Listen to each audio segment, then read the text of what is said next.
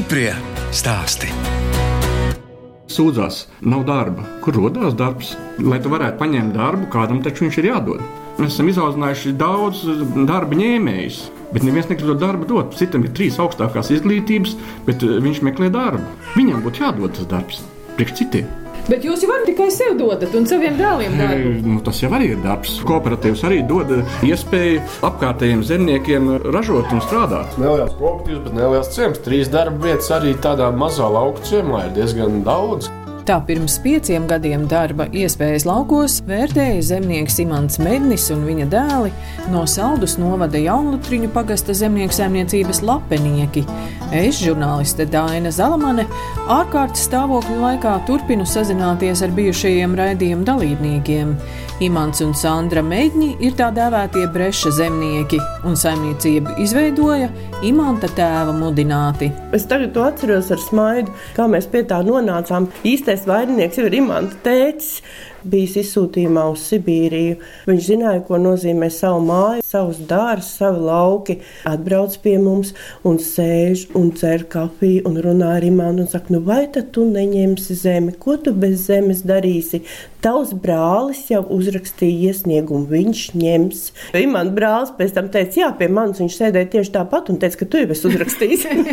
Katrā ziņā viņš panāca to, ka abi vecākie dēli paņēma zemi un kļuva par pirmiem režu zemniekiem, kaut gan bija pirmais bērns, maziņš pavisam vēl. Es teicu, kā tu domā apstrādāt tos 20 hektārus, kā mēs ar to tiksim galā? Neviens jau nezināja īsti, cik tos hektārus vajag. Cik var, nu iesākumā paņēmām 20. Tādu vecu traktoru vēl nopirka klāt pa pajām un vēl šādu tādu tehniku. Ar to arī sākām. Un tagad jau liekas, ka 280 pamāts vajadzētu vēl drusku. Nav jau vairs ko paņemt. Vienmēr tā saku, nu, mēs dzīvojam zaļajā zemē.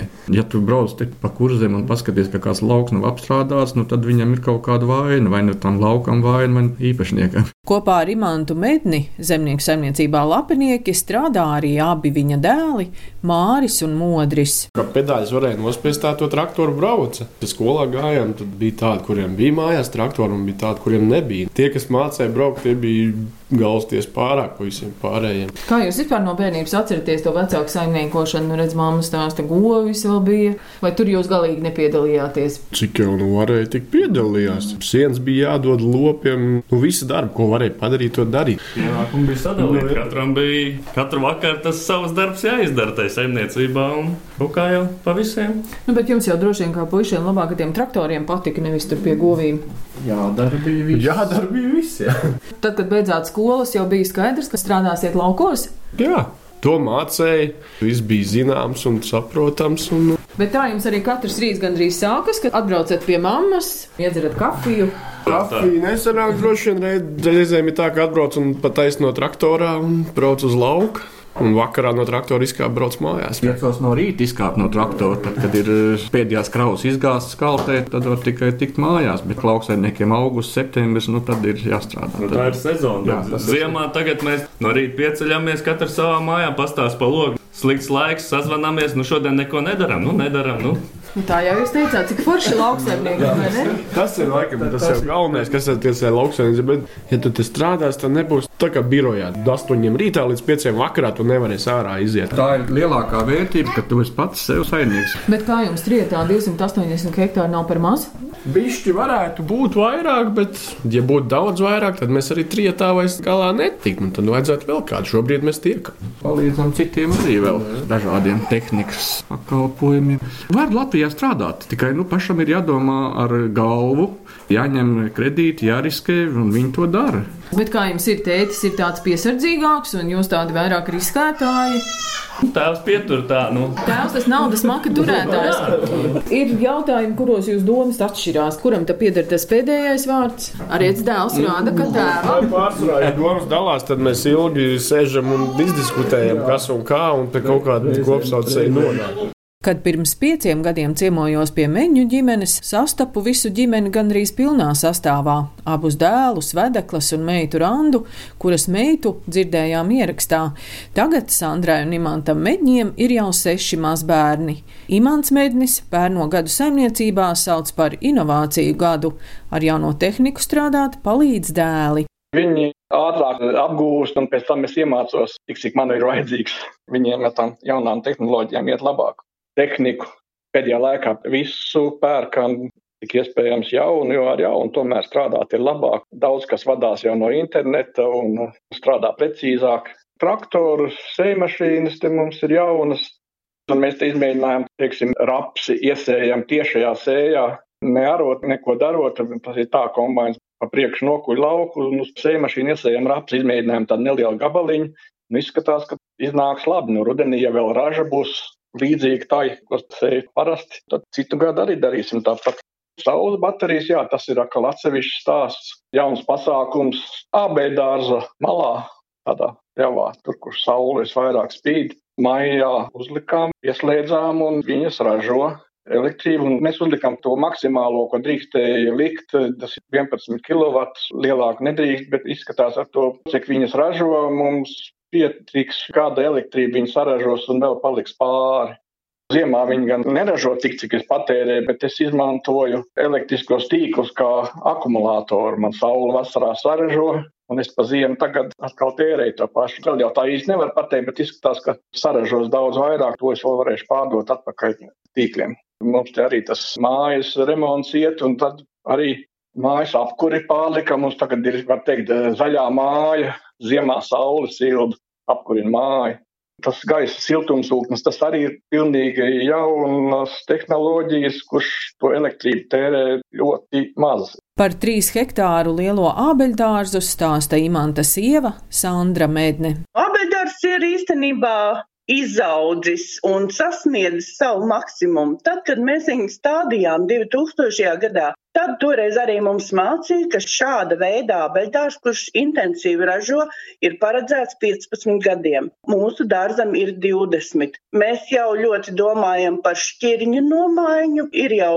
divas šķirnes nomainītas. Tas nozīmē, ka iepriekšējo stādījumu, tos noražojošos un jau nespēcīgos kokus tos rauj ārā, atjauno visu augsnes to virskārtu, apstrādā no jauna un stāda jaunas šķirnes.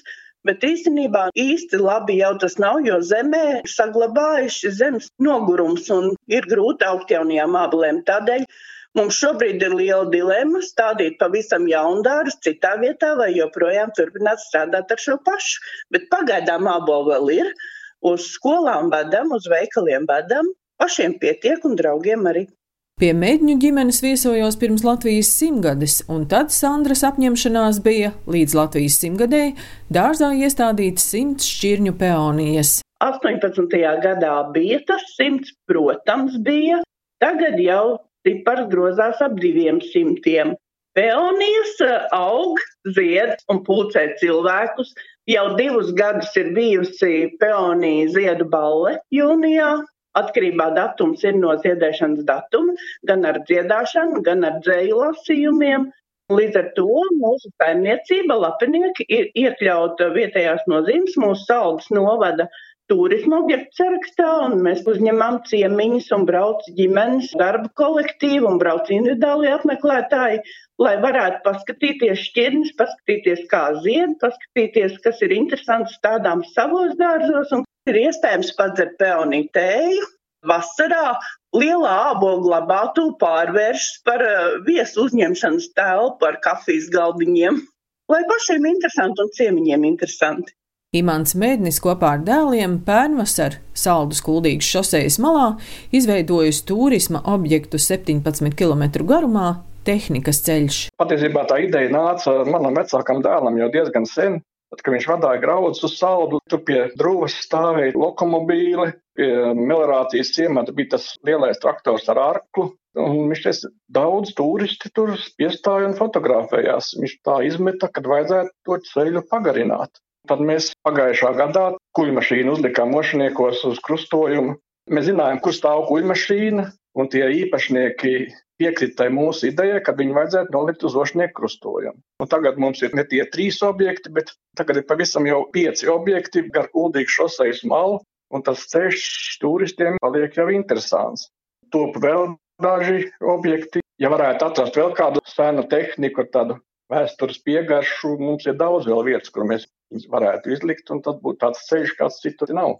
Ja par to pašu vēsturiskās tehnikas ceļu, tad, tad kad bija šī objekta atklāšana mūsu pagastu teritorijā, Ošaniekos, tur jau uh, Jauntriņa amatieru teātris ļoti darbojās, jo tika sāorganizēta vasaras vidū kūšanas talka ar kūlīšu siešanu, ar stāstīšanu, kur kūlīšus iekšā, kur graudi birstārā, kur pelavs, nobeigumā ar ballīti, ar dančiem un, un dziedāšanu. Kaut gan tas jau bija jūnijas, kad nevarēja ļoti pulcēties, un cilvēki tomēr pa gabalu brīvā dabā visiem tas patika, un vasarā šis objekts ir palicis vismaz mūsu pagastā kā tāda kultūras pieturi, kur notika gan līgo vakara koncerts. Tur ir pļavariņķi, tur var izvērsties, un tur ir iespējas arī šajiem laikiem, ka var darīt labas lietas, un tas ir interesanti cilvēkiem, jo tādas lietas citur nav. Sandra Medne ir ne tikai lauku māju saimniece, viņa ir arī jaunlutriņu amatieru teātra režisore, un aktieru pulkā ir gan vīrs Imants, gan dēli. Tagad pašdarbnieki tiekas WhatsApp grupā. Teātra paša kā tāda ir apturēta tikai mēģinājumu darbību un izrādes, ko, protams, ir žēl, jo teātra kolektīvam ir svarīgi satikties un redzēt savus kolektīvu biedrus, un ir svarīgi, lai būtu arī izrādes. Bet uh, Mums paveicās ar to, ka 20. gadā mēs paguvām iestudēt savu jauniestudējumu, parādīt pirmizrādi un vēl vienu izrādi ar domu, ka tikko kā varēs. Mēs vien atjaunosim, protams, rādīsim cilvēkiem, jo luga ir mums pašiem interesanti, mums ir labi, ja tā ir krimināla komēdija, cilvēkiem patīk pabaidīties un pasmieties. Bet teātrinieki nav cits aizmirsuši. Mums ir WhatsApp grupa, kur mēs tiekamies gandrīz vai katru vakaru apspriežam izlasītās grāmatas vai teātris izrādes, ko var redzēt televīzijā vai kaut kur citur. Un tad mums ir tādas fotostūris. Esam nolēmuši, ka tad, kad beigsies šī mājās sēdēšana, ka mēs veidosim uh, fotoizstādi, jo tiek uh, fotografēti dabas skati, saules lēkti, saules rieti. Mājās Jāsaka, ka kā režisoram šis nav laiks mīkšanai, bet eh, beidzot man ir laika lasīt lugas. Tās grāmatas, kur ir pieminēts mūsu pagasts, lai veidot kaut kādus stāstus par mūsu pagastu vēsturi.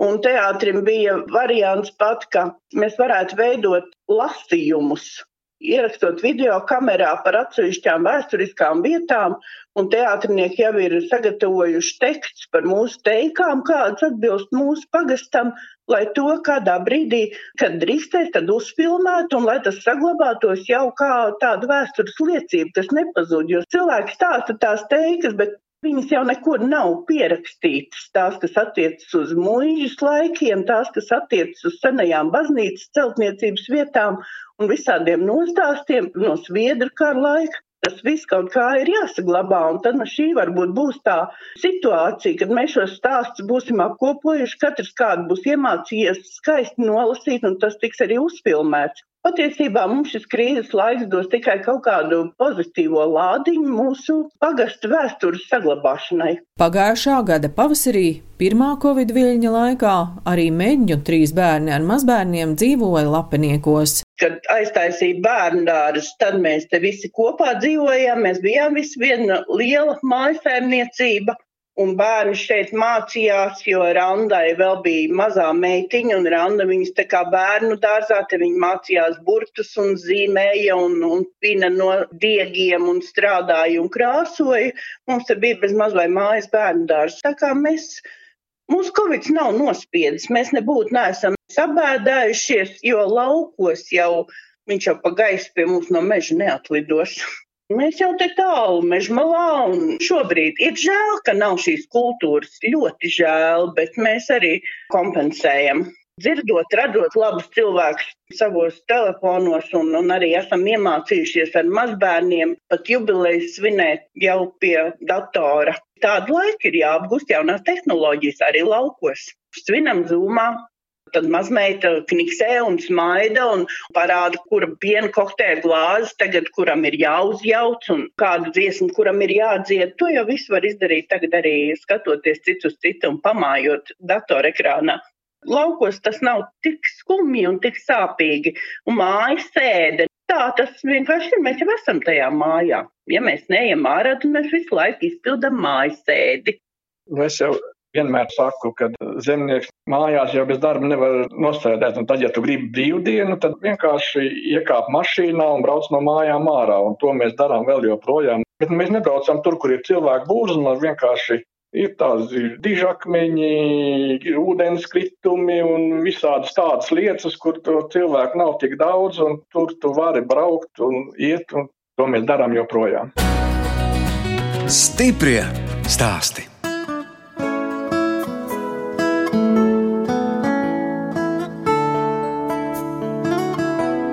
Jūs klausāties raidījumu stipri stāstī, bet tagad dodamies uz vidzemi Beverīnas novada trikātas pagastu pie Raisas Jablonskas, kas izveidojusi ģimenes uzņēmumu Air Chocolate un gatavo šokolādes konfektes un citus produktus. Raisa pēc izglītības ir piena pārstrādes meistare un ilgus gadus strādāja trikātas pienotavā. Ar Raisu šokolādes ražotnē tikāmies pirms pieciem gadiem. Tiek kausēta šokolāde, tas ir pirmais temperēšanas posms. Mums jāizkausē šokolāde. Un šī laikam ir tumšā šokolāde. Jā, 70% tumšā šokolāde. Cik jauka smarža. Mm, tā ir viena no tām šokolādēm, kas visvairāk smaržo. Beļģu šokolāde? Nē, Nē. mēs izmantojam spāņu šokolādi. Es uzskatu, ka mēs atradām vislabāko šokolādi, ko vien var atrast. Bet jums arī ir tās saucamās, kā viņas sauc, kaletes. Jā, kaletes. Kaletes tā Jā. sauc. Ja? Mm -hmm. Tās mēs izmantojam, tāpēc, ka viņi pat cik mēs kausējam un uh, visu darām ar rokām, ar kaletēm ir daudz vieglāk strādāt. Nu, ātrāk arī izkūst. Nu, jā. Daudz ir kukurūzu pārslas un rieksti. Mandeles, cukurotas, laikam, jā. Jā, tās ir medu grauzdētas mandeles. Te jūs uz galda esat nolikusi dažādas šokolādes. Nu, izstāstiet tā rozīgā šokolāde, ar ko tā ir. Tās ir trīfeles, visas, ko mēs ražojam. Rozīgās tās ir apelsīnu trīfeles. Rozīga viņa tāpēc, ka sarkanais apelsīns. Viņas diezgan stipras, jo mēs izmantojam 70% tumšo šokolādi, un ne 80, ne 90, tāpēc, ka tad ir garša pa stipru.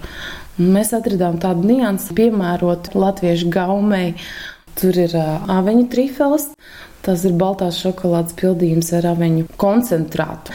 Vienkārši ogām ir noņemts mitrums, liekais nost. Te ir arī mūsu speciālās trifeles ar ingveru sakni. Tur ir citrons, tur ir krējums, tur ir sviests, tur ir piena šokolāde. Un tad viss kopā tas veido tādu saudabīgu garšu. Tad mums ir vēl tur lazduriekstu trifels, tad ir arī tumšās šokolādes trifels. Tas ir jau tiem, kas tikai tumšo šokolādi ēd. Idejas ir vairāk nekā mēs spējam realizēt. Visiem liekas, tas tik vienkārši nu, uztaisīt kaut ko jaunu, bet tam visam priekšā ir liels darbs, ilgstošs, jo nepietiek ar to, ka tu saliec visus komponentus kopā. Tas produkts ir jāiztur, jāpārbauda. Cik ir derīguma termiņš? Mēs liekam tikai 4 mēnešus, mēs vairāk neliekam, kaut gan šokolāde ir derīga daudz ilgāk. Bet personīgi mans uzskats, ka cilvēkiem ir jāēd svaiga šokolāde. Veikalā mēs nopērkam ļoti vecu šokolādi. Viņi iekļaujas derīguma termiņā, bet garša jau mainās. Gaismas um, temperatūras ietekmē, tas process iet uz priekšu. Lai cilvēki mūsu šokolādi ēstu vienmēr svaigu, mēs neliekam garāku termiņu. Vietējie, kad atnāk, pirmais ir tāds, cik jums dārga šokolāde. Es vairs neiedziļinos skaidrojumos, ka izēviela ir laba un viņa ir dārga un roku darbs. Mēs nevaram tonās saražot to produktu. Pašizmaksas viņam ceļās. Bet tad, kad cilvēks tomēr nopērk, viņi atgriežas atkal un atkal. Man prieks par to, ka cilvēki sāk domāt, ko viņi ēd. Cik liels ir jūsu ambīcijas? Jūs domājat arī par eksportu? Mēs arī eksportējam. Eksports nav liels, bet pastāvīgs ir Holande, Igaunija. Un ir bijusi arī īrija. Nu, jāizmanto, ka tā māsa dzīvo īrijā, vai ne? Bez šaubām. Visi kontakti jāizmanto. Teicāt, jums bija tas sapnis par ģimenes uzņēmumu, bet tagad atkal nav tā, ka cilvēks iet tajā vāveres ritinī un tad jāražo aizvien vairāk, un tad vēl kaut kur jāizsūta, un ka vairs nevar apstāties. Noteikti, ka mēs gribētu pēc iespējas vairāk atstāt roku darbu. Šobrīd es varu teikt, godīgi, mums ir simtprocentīgs roku darbs. mums nav nevienas iekārtas, bet eh, daļai automatizēt noteikti vajadzētu, jo tas atkal eh, samazina pašizmaksu. un palielina uzņēmuma izdzīvošanas spējas. Nu, protams, tā varētu būt kaut kāda daļēja šokolādes sagatavošanas posms, ko varētu darīt ar iekārtu. Tas būtu vieglāk un ātrāk. Tam visam ir savi plusi un mīnusi, bet, eh, ja mēs skatāmies Kas ir vairāk, tad viennozīmīgi plusu ir daudz vairāk. Brīvais darba režīms tas ir viens. Es domāju, ka privātajā biznesā taču strādā patiesībā stundas neskaitot. 24 stundas diennaktī. Bet uh, galvenais pluss ir tas, ka tu esi pats sev noteicējis. Tev nav kam pārmest, un tev nav kas pārmet. Ja es pieļauju kļūdas, tā ir mana pieredze. Jāstrādā daudz, lai kaut ko panāktu, un es arī to daru un cenšos to darīt, cik nu viens spēka ir.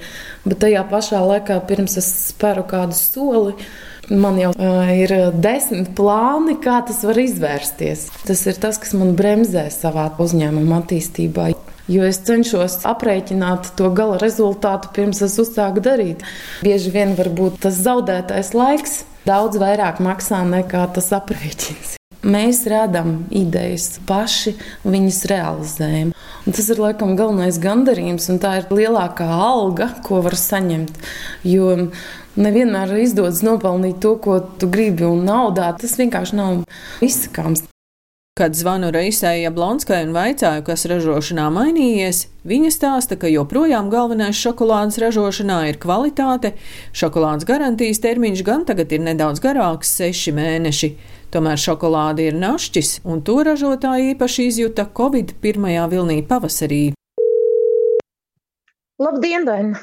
Pirmā viļņa laikā viss tā apklusa un likās, ka visādi tikai makarons un griķis. Martā, kad sākās tas Covid pirmais vilnis, skaidrības nebija vispār nekādas. Un es teikšu atklāti, ka mēs uzņēmumā, kad es sajūtu, ka apgrozījums nokritās, kaut kas ir jādara, Pirmais visu cilvēks aizsūtīja atvaļinājumā un palika viena pati. Izmantojām atvaļinājuma iespējas, un tad bija ļoti grūti saprast, tāpēc, ka katra nedēļa nāca tāda aizvien satraucošāka, jo nevarēja saprast, kas būs uz priekšu.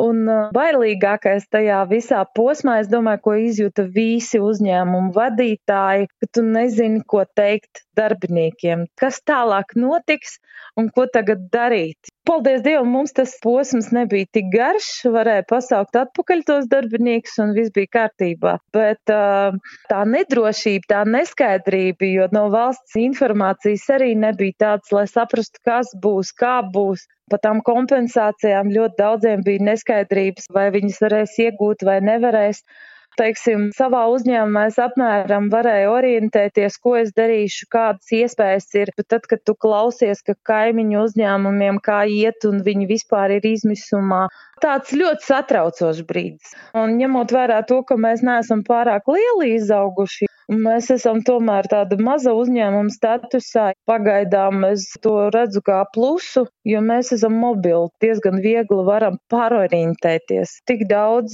cik izdzīvošanas līmenī mums ir pietiekoši darba. Protams, ka gribās, lai tā izaugsme notiek, lai viss virzās uz priekšu, bet jāiztiek ar to, kas ir, jāturās un jāsaprot, ka tā pirktspēja cilvēkiem arī krītās. Es domāju, ka būs viss labi, ies uz labāko pusi tagad. Ja salīdzinām ar pagājušo gadu, visiem rādītājiem, protams, ka bišķi mazāk ir. Bet es uzskatu, ka tas ir nevis dēļ tā, ka cilvēki negrib šokolādi. Vienkārši tāpēc, ka cilvēki vairs negrib tik ļoti braukt pārvietoties, un tad viņi pērk tur, kur viņiem ir pieejams tuvākajās vietās. Bet uh, tie patstāvīgie klienti, protams, kas ir bijuši, tie arī palikuši, un tāds strauji kritums nav. Tas nelielais eksports, kas bijis, tas ir palicis, bet uh, pat cik mums visu laiku pieauga tas apgrozījums Latvijas tirgu, tad mēs to atlikām bišķiņu. Pieprasījums ir, bet pieprasījums ir milzīgiem apjomiem. Un tad man bija jāizvēlās, vai nu atsakamies no Latvijas tirgus daļas un uh, piestrādājam pie eksporta. Mēs palikām pie tā, ka mēs tomēr pieaudzējam to Latvijas tirgus daļu un pēc tam jau metamies ar visu pilnu spāru eksportā. Labāk. Tagad trikātā top arī saldējums. Vasaras mēnešos mēs ražojam pašu saldējumu, tas ir gelato tipa. Itāļu tipa, ļoti iecienīts un atzīts, un cilvēki regulāri brauc, lai varētu paēst mūsu saldējumu. Bet mēs to saldējumu atstājam kā tādu drozīnīti. Tas ir produkts, ko var iegādāties uz vietas, strigātā. Tas ir tas, ar ko mēs piesaistam vasarā turistus un cilvēkus, kas var atbraukt un nobaudīt kaut ko ļoti garšīgu. Pastāvīgi mums ir seši veidi. Šokolādes saldējums, protams, mango, pistāciju, meleņu, aveņu un vaniļas saldējumu arī taisam. Šobrīd šokolādes ražotnē Trikātā nenotiek arī ļoti iecienītās šokolādes gatavošanas meistarklases. Vasarā vēl notika, tajā posmā, kad to varēja darīt, tad mēs to darījām. Tagad jau zvana, jau piesakās uz vasaras pusi. nu, redzēsim, kā tas viss izpaudīsies. Mēs to esam atsevišķu telpu meistarklasēm, un šobrīd vēl strādājam pie tā, lai paplašinātu veikalu. Vēl viena telpa, kas ir lielākam tirzniecības zālē. Šobrīd mums ir uh, seši darbinieki pastāvīgā darbā, ieskaitot mani, un uh, viena meitene dekrēta atvaļinājumā. Un tad septiņi varētu teikt. Katrā ziņā mēs esam gatavi jebkuram scenārijam. Un plāni vienmēr uz priekšu ir kaut kādi, un jāpiestrādā pie tā, jāpiedomā. Un šobrīd ir ideāls laiks, lai visu izdomātu. Katrā šādā situācijā var atrast plusus, un uh, savi plusi tur noteikti ir. Ir ļoti daudz lietas, kas man bija nepadarītas, kurām nepietika laika. Tagad ir tā iespēja to darīt. Un otrs sāpīgākais moments, kad man vienmēr likās, ka es ļoti maz pievēršu uzmanību ģimenei, bērniem pa maz uzmanības ir, tad eh, šajā posmā gan eh, pirmā viļņa laikā, gan, eh, gan tagad es jūtu, ka es beidzot atgriežos ģimenē. Tā kā es izmantoju to laiku, to enerģiju pārceļu no vienas sfēras uz otru. Jo, protams, mums ir jādomā par imunitāti, par veselības uzlabošanu. Un uh, galvenais, man liekas, nav tas ēdiens, bet tas siltums, ko var dot ar savu tuvību. Varbūt izrunāties, varbūt iemācīt kaut ko jaunu, jo tomēr bērni man ir mazi vēl. 4 un 12 gadi pamācīties kopā, un varbūt to, ko, kam man pietrūka laika. Tiešām tāda tuvība vairāk. Atzīšos godīgi, neesam mēs tāda sportiska ģimene, bet mēs dziedam kopā, mēs dejojam, No popdziesmām līdz tautas dziesmām. Visu, kas, kas ir iespējams. Viss, kas patīk bērniem. Slēdzam iekšā mūziku, skaļi un dejojam. Visa ģimene. Cenšamies uzturēt to atmosfēru tādu, lai nebūtu visu laiku jākrīt tādā depresijā, jo bērni ir mazi, bet viņi to visu izjūt. Tā attālinātā mācīšanās, ka bērni netiek pie draugiem, Tas viss nomāca, bet tad mēs cenšamies kā vecāki kompensēt pilnībā to, cik varam. Nu, uzņēmējiem, lai turās. Es par viņiem ļoti pārdzīvoju par visiem, jo vienkārši mēs tomēr visi esam vienoti.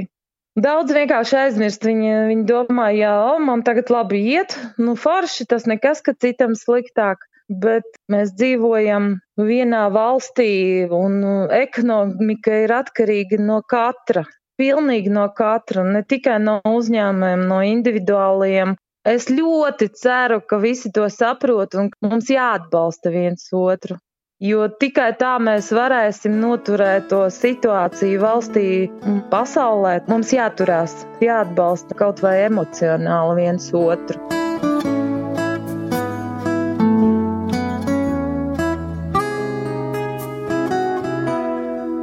Radījums stiprie stāsti izskan.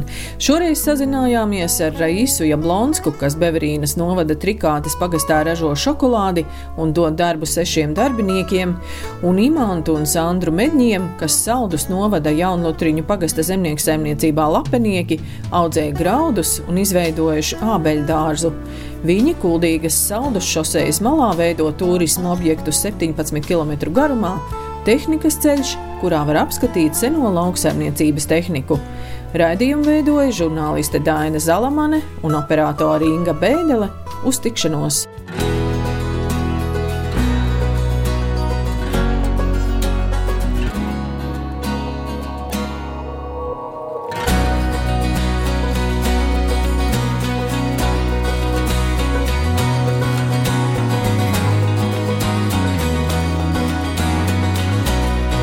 Stiprie stāsti.